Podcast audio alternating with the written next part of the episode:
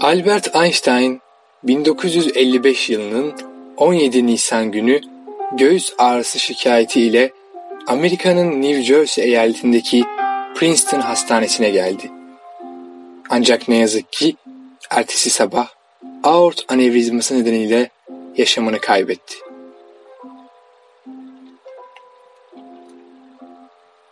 Ölümünün ardından Einstein'ın cenazesine otopsi yapılmasına karar verildi. Hastanenin patoloji uzmanı Dr. Thomas Harvey, dünyaca ünlü fizikçi Albert Einstein'ı inceleyeceği için çok heyecanlıydı. 18 Nisan 1955 günü yapılan otopsi kayıtlarına göre Einstein'ın beyni erişkin bir erkek beyni için olması gereken sınırlardaydı. Ağırlığı da 1230 gramdı. Doktor Harvey beynin birçok açıdan fotoğrafını çekti ve bu kıymetli beyni tam 170 parçaya böldü. Ancak sonra bilim dünyasını derinden sarsacak etik dışı bir şey yaptı. Öyle ki beyin parçalarını fotoğraflarını çektikten sonra kafatasına geri koymak yerine formaldehit dolu bir kavanoza gizlice doldurdu ve hiçbir şey olmamış gibi kavanozu evine götürüp çalışma masasının altına gizledi.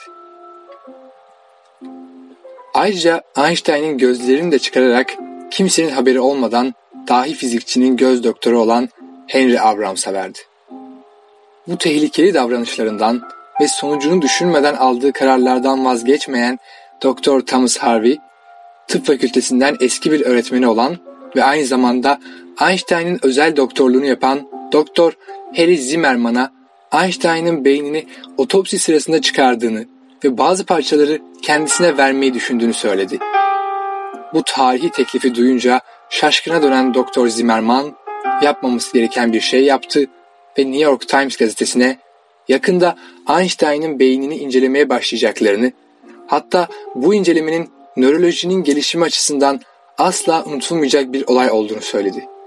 Bu haber tüm dünyayı şok etmişti. Hastane yönetimi Doktor Harvey'nin bu izinsiz davranışından çok rahatsız oldu ve Harvey'den beyni Einstein'ın ailesine geri vermesini istedi.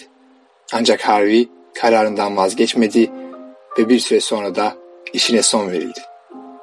Einstein'ın ailesi ise bu haberi duyunca o zamana kadar bilmedikleri bir gerçeğin farkına varmış oldu. Beyin olması gereken yerde yani cesedin içinde değildi. Ne var ki iş işten geçmişti.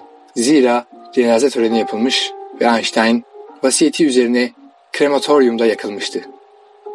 Büyük dahinin oğlu Hans Albert, babasının beyninin çalınıp deney için kullanılacağını öğrendiğinde bir hayli öfkelendi. Ve soluğu hastanede aldı. Durumu anlattı.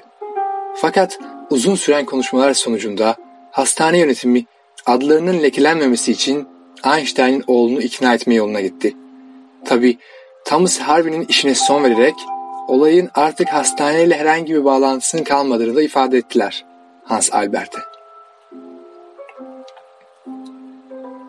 Konuşma sonucunda alınan karar şöyle oldu.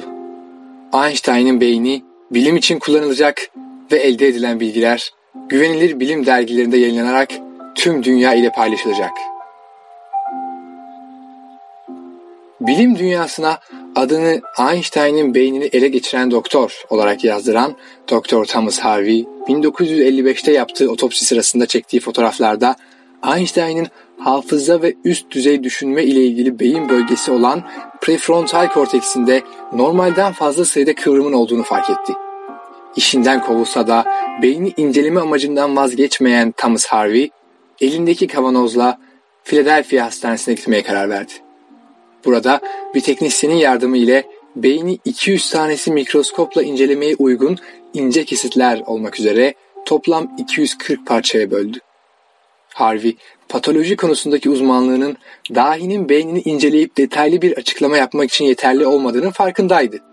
Bu yüzden kavanozdaki beyni parçalar halinde dünyanın çeşitli yerlerindeki bilim insanlarına göndermeye ve bu bilim insanlarından Einstein'ın şahsına münhasır beynine dair incelemeler yapıp detaylarını kendisiyle paylaşmalarını istemeye karar verdi. Ancak her şey yolunda gitmedi.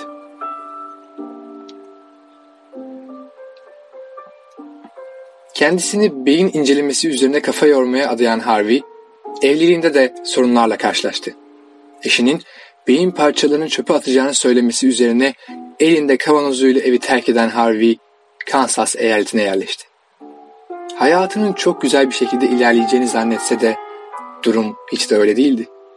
Önce işini, sonra evliliğini kaybeden Harvey, son olarak girdiği tıbbi lisans yenileme sınavından kalınca patolog lisansını da kaybetti ve bir plastik fabrikasında işçi olarak çalışmaya başladı. Yaşam basamaklarından hızla düşen Thomas Harvey, beyinden istediğini alamadığı gibi mutluluktan da çok uzakta kaldı ne yazık ki. Ümidi iyice tükenen Harvey, 40 yıldan uzun bir süre kendisine beyne ne olduğunu soranlara onu incelemeyi sürdürdüğünü ve yakın zamanda detaylı bir rapor yazacağını söyleyip durdu.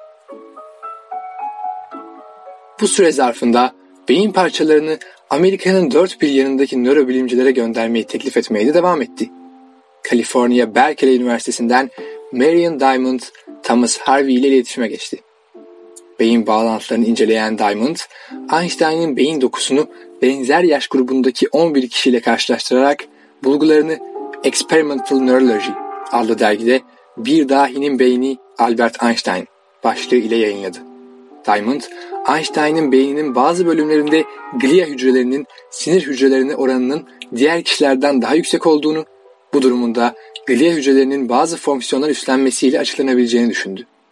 Ne var ki çalışma ilk anda herkesi etkilese de kısa bir zaman sonra yöntemlerdeki belli başlı hatalar sebebiyle unutuldu gitti. Thomas Harvey ise 1990 yılına gelindiğinde beklenmedik bir şekilde 30 yıldan uzun süredir kavanozda muhafaza ettiği beyni Einstein'in torununa teslim etmeye karar verdi. 70'li yaşlarının sonuna gelmiş ilginç doktor Thomas Harvey, Einstein'in beyninin hikayesini kaleme almak isteyen yazar Michael Paternity ile Amerika'yı bir ucundan diğerine kadar kat edecek bir otomobil yolculuğuna çıktı. New Jersey'den yola çıkan Harvey Paternity ikilisinin hedefi Einstein'in torununun yaşadığı Kaliforniya eyaletine gitmekti. Teslim etmek üzere yanlarına aldıkları Einstein'in beyni ile kıtayı kat eden ikili nihayet Einstein'in torunu Evelyn'e ulaşmayı başardılar. Evelyn, dedesinin beynini aradan geçen yıllar sonrasında teslim almayı kabul etmedi. Bir çabası daha sonuçsuz kalan Thomas Harvey, elinde kavanozuyla evine geri döndü. Yaşamının kalanında rastgele bir şekilde Einstein'ın beyninin parçalarını çeşitli bilim insanlarına göndermeye devam etti. Hatta bazen kendisi adı yeni yeni duyulmaya başlamış bir nörobilimciye beynin bir parçasını teklif etti, bazen de beynin onda olduğunu duyan önemli bilim insanları kendisinden beynin parçalarını istedi. Bu isteklerden en ilginci şüphesiz 1994 yılında Japonya'nın Kinki Üniversitesi'ndeki Profesör Sugimoto Kenji'nin isteğiydi. Profesör Kenji, Einstein'ın büyük bir hayranıydı ve Einstein'ın beyninden bir parça alabilmek Kenji'nin en büyük hayaliydi. Bu hayali gerçekleştirebilmek için yola çıktı ve bir belgesel film ekibiyle beraber Amerika'ya geldi Kenji. Ve nihayetinde çok kıymetli beyni yıllardır yanında bulunduran Thomas Harvey ile buluştular. Artık yaşlanmış olan Harvey'in evine geldi Kenji ve Harvey'den kendisine Einstein'ın beyninden bir parça vermesini istedi. Harvey ilk anda bu teklife şüpheyle yaklaşsa da isteği kabul etti ve kavanozdan çıkardığı dahi beynini Kenji'nin beraberinde getirdiği belgesel ekibinin kameraları karşısında bıçakla kesti. Ayırdığı parçayı formaldehit eklediği eski bir ilaç kavanozunun içine koydu. Ardından hiçbir şey olmamış gibi ilaç kavanozunu Kenji'ye verdi. Profesör Sugimoto Kenji'nin hayali gerçek olmuştu. Thomas Harvey planladığı gibi gitmeyen hayatı 2007 yılında sona ermeden önce beynin elinde kalan parçalarının birçoğunu Princeton Üniversitesi'ndeki patoloji anabilim dalı başkanı Dr. Elliot Krauss'a teslim etti. Einstein'in beyninin son parçaları da Thomas Harvey'nin ölümünden sonra ailesi tarafından 2010 yılında Maryland eyaletindeki Ulusal Sağlık ve Tıp Müzesi'ne bağışlandı. Dünyaca ünlü fizikçi Albert Einstein'in beyninin çıktığı yolculuk, dahinin beyninin kıvrımları, olukları ve girintileri kadar karışık bir hale gelmişti kısacası. Thomas Harvey'nin yapmayı öngörüp başaramadığı çalışmalar sonsuza dek sonuçsuz kalmaya devam edecek olsa da ismi her daim Einstein ile beraber hatırlanacak.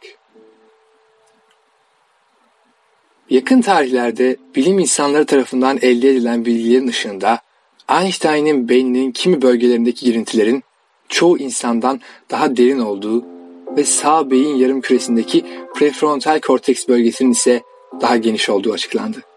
Bu bulguların da Einstein'ın ileri bilişsel yetenekleri ve matematiksel dehası ile uyumlu olduğu düşünülmekte. Ayrıca Brain adlı nöroloji dergisinde yer alan bir makalede bu parçalanmış dahi beynine ait ayrıntılı bilgiler özet şeklinde yer alıyor. Dilerseniz makaleyi okuyup Harvey'nin yıllar boyunca kavanozda taşıdığı ve parçalara ayırdığı Einstein'ın beyninin detaylarını öğrenebilirsiniz.